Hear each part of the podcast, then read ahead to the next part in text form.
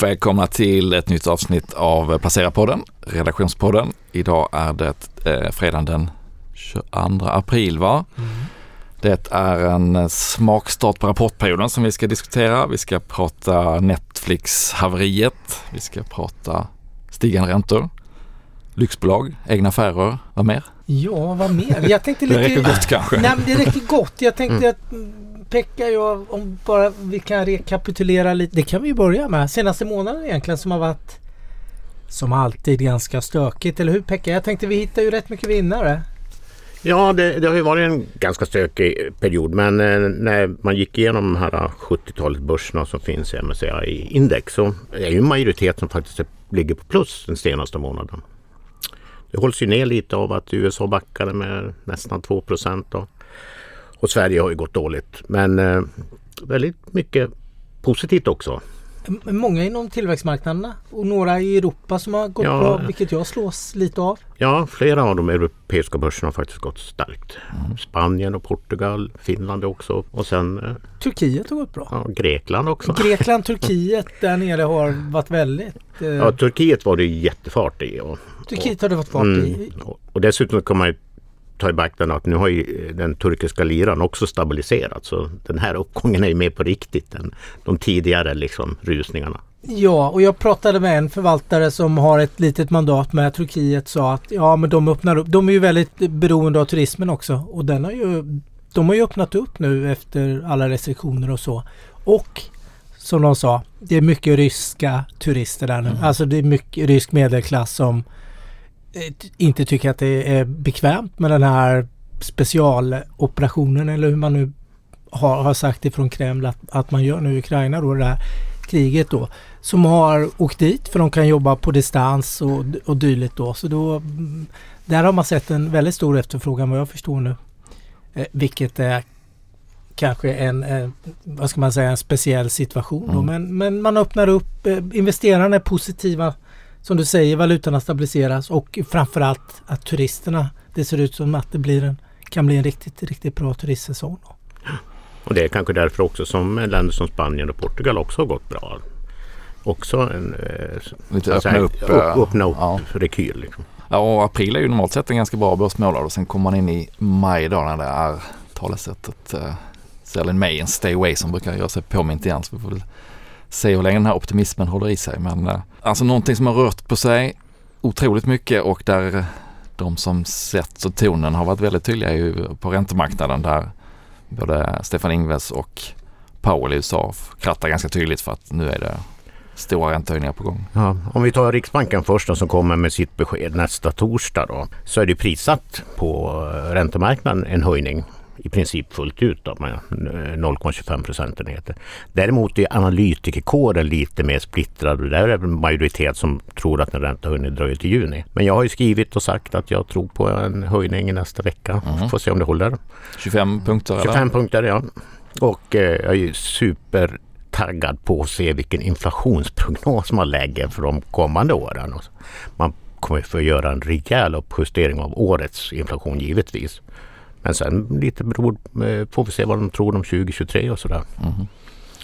Det kom, IMF kom ju också med en rapport och de trodde att den här vad ska jag säga, inflationseffekten skulle hålla i sig längre nu än tidigare. Att det blir ett bekymmer även för 2023. Mm.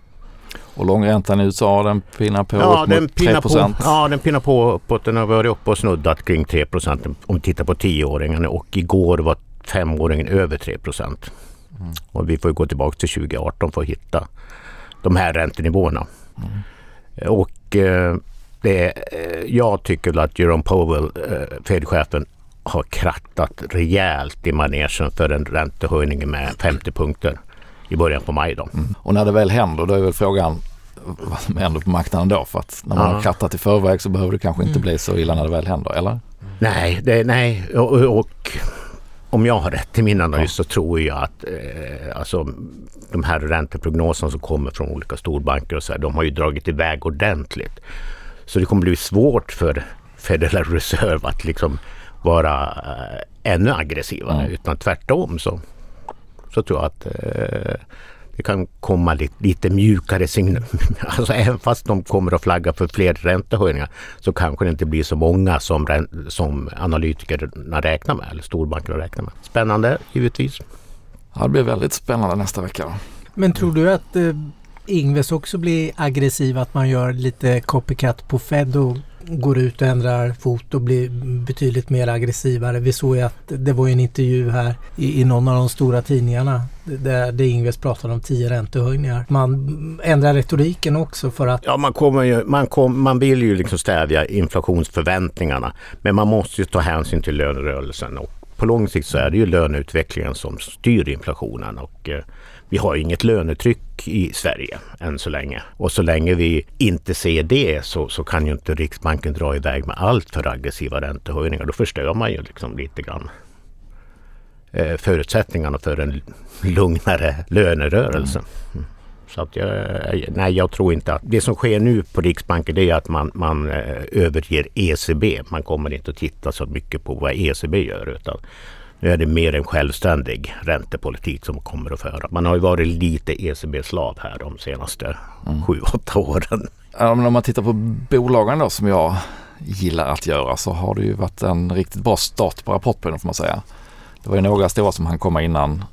H&M som har brutit då och Ericsson som var sådär. Men den här veckan har ju framförallt tillverkningsbolagen tycker jag då visat att mycket av den här oron som har synts på börsen kanske inte har varit helt, uh, helt motiverad.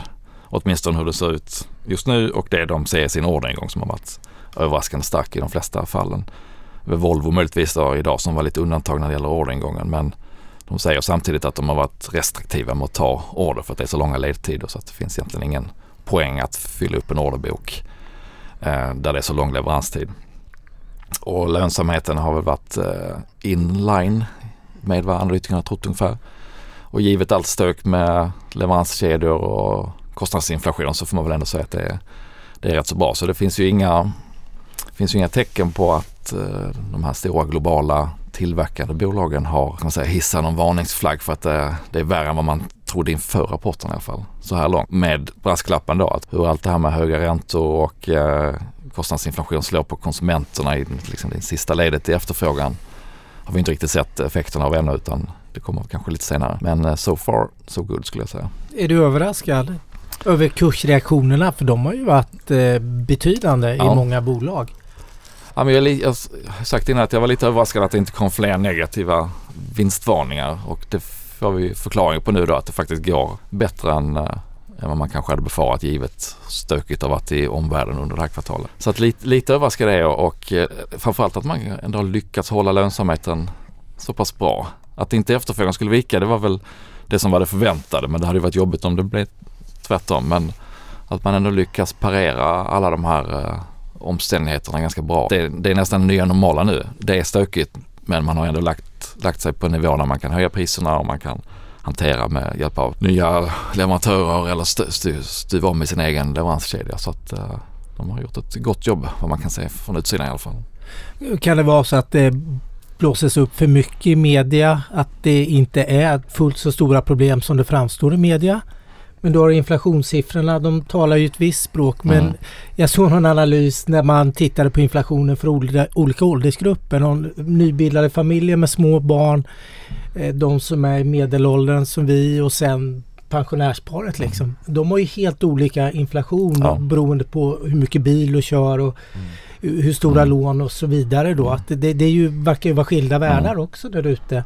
Jag, jag, tänker lite på bolagen också. Det är mycket media. Man blir påverkad som analytiker mm. kan jag tänka med ja. vinstestimaten och det skrivs väldigt mycket och, och, och, vi är också en del av media. Mm. Det, man tenderar ju på att fånga upp ett antal frågor. Det är mm. inflationen, det är räntor och, mm. och det, det, är leverantörsproblem. Sen ser man inte så mycket annat ja. kanske. Ja, jag, skulle, jag skulle nog säga så här att, jag, att det är på riktigt. Kostnadsinflationen är på mm. riktigt. Prishöjningarna är på riktigt. Störningarna i leveranskedjan är på riktigt. Men om man från utsidan kanske fokuserar på alla orosmoln, vad kan gå fel? Så i bolagen så finns det ingen anledning att tänka så utan det måste man ju bara tänka så här ser kartan ut nu, så här ser verkligheten ut. Hur löser vi det här problemet?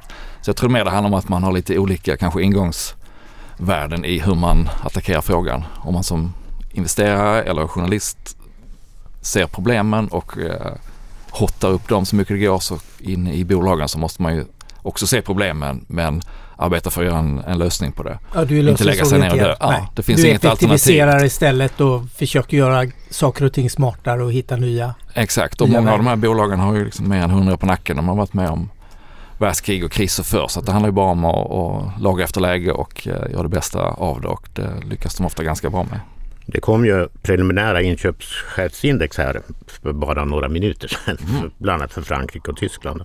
Och de var ju absolut inte så dåliga som befarat. Eh, utan tvärtom i Frankrike var det till och med lite upp. Tysk industri sjönk väl lite men det ligger fortfarande på tillväxtsidan. Eh, och man ser väl lite positiva effekter av att de här öppna upp effekterna fortfarande. Liksom. Så att företagen eh, ser ut att klara det här hyggligt. Däremot är ju hushållen superdeppiga Ja. i princip över hela världen och eh, risken är väl att det slår liksom på. Det ty- eh, håller med om. Det är den stora jokern framåt när, när det kommer fortplanta sig in kanske då även bland business to business-bolagen. För att i slutändan är det ju en konsument som ska köpa produkterna. Ja, och jag vet inte hur det är i era, era bekantskapskretsar utanför redaktionen här. Men eh, alla pratar inflation Mm, mm, eller ja. prishöjningar. Eh, väldigt tydligt sådär. Absolut så är det.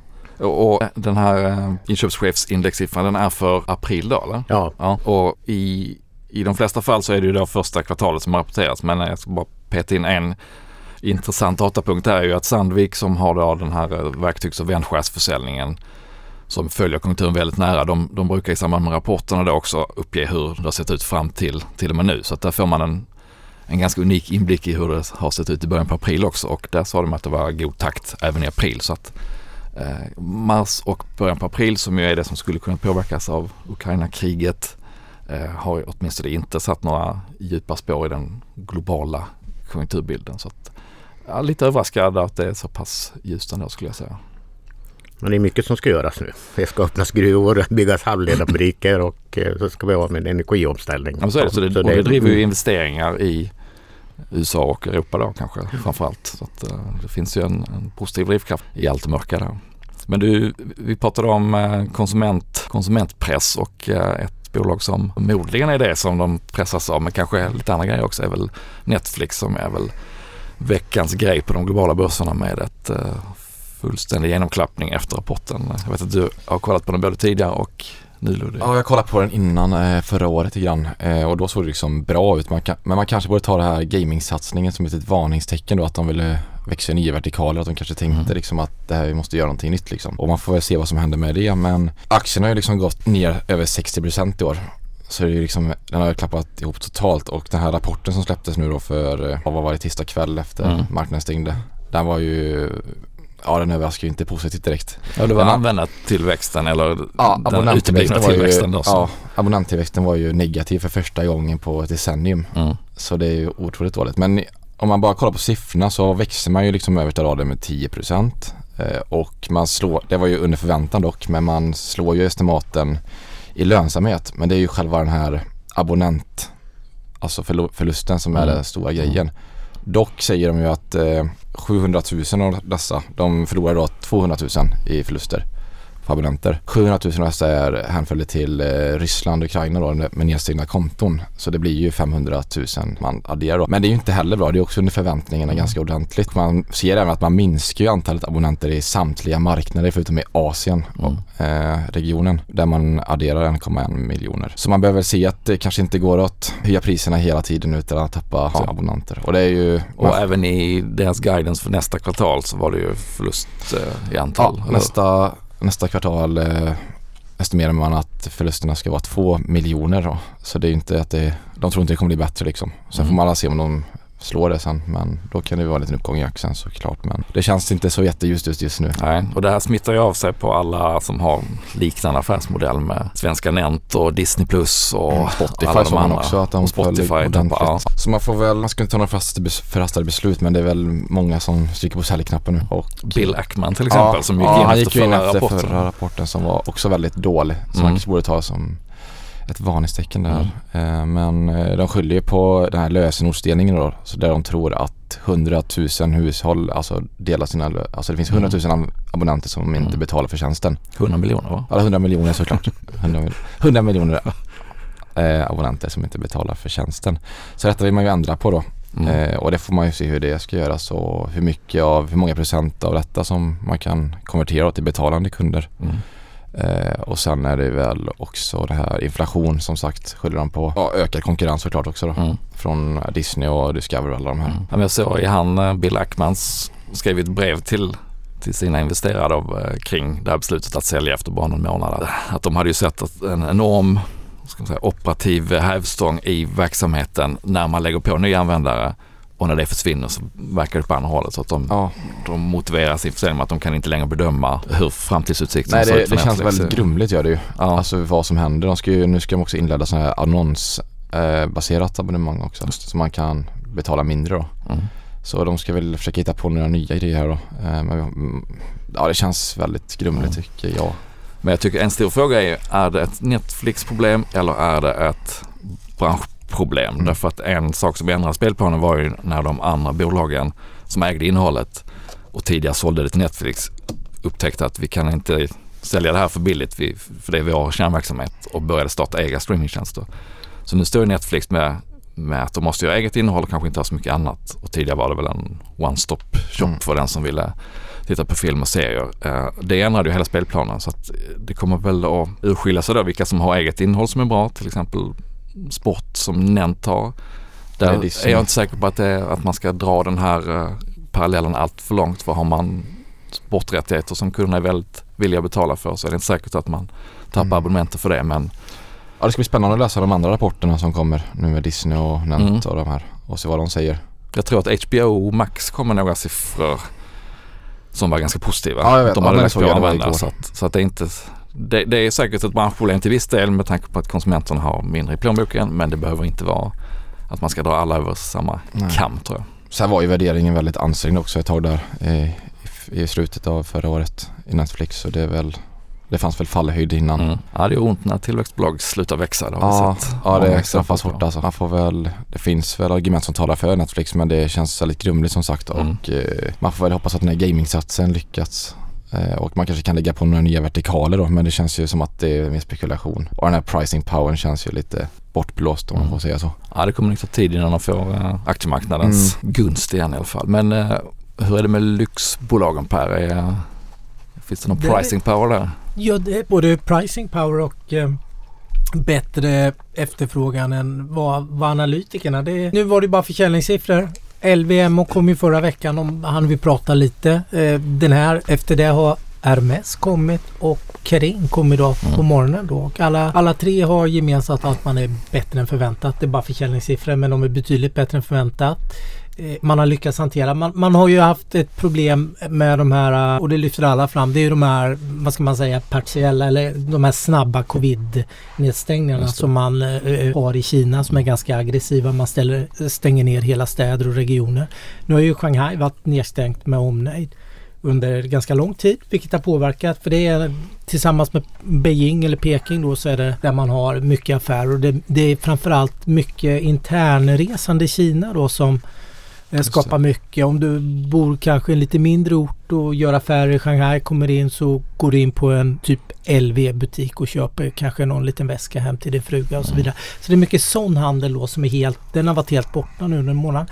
Trots det klarar man av det är jättebra. Det är god efterfrågan. Man har fått igenom prishöjningar utan några problem. Och jag har tittat lite på, de har ju gått dåligt. Sektorn är ju dålig. Den har ju underpresterat i år. Bolagen är ner ganska mycket.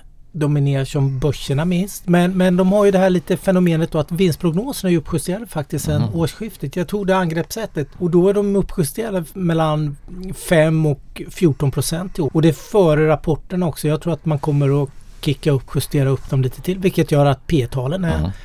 de är låga och i vissa fall är de historiskt låga då. Men man erbjuder ändå en vinsttillväxt som är, ligger någonstans nu mellan 10 och 18 procent då för innevarande år. Då. Så det, jag tycker sektorn har tagit oroväckande, den har tagit mycket stryk. Analytikerkåren har varit ganska hård eller trots att man har justerat upp så har man ändå handlat ner den vilket jag tycker har varit lite oförtjänt. Men man, det, det finns ju någon jag såg Morgan Stanley var ute och de pratar ju om att det finns någon recessionsrisken Mm. som finns nu. Den globala ekonomin ska sakta ner och att det, det Är det där konsumentoron? Ja, när att då, man har... då, då är man orolig för Mm. att ja, men då slutar man eh, konsumera lyxvaror som man har gjort under en ganska lång period. Mm. Så det är lite där som är den våta filten skulle jag säga. Hur det blir det här med recession. Och det ser man ju i BOFA-enkäten också. Recessionsrisken liksom har ju seglat upp nu. Det har ju varit inflationsrisk och, som nu då har liksom spilt över till recessionsrisk. Och det pratade vi också om förra gången.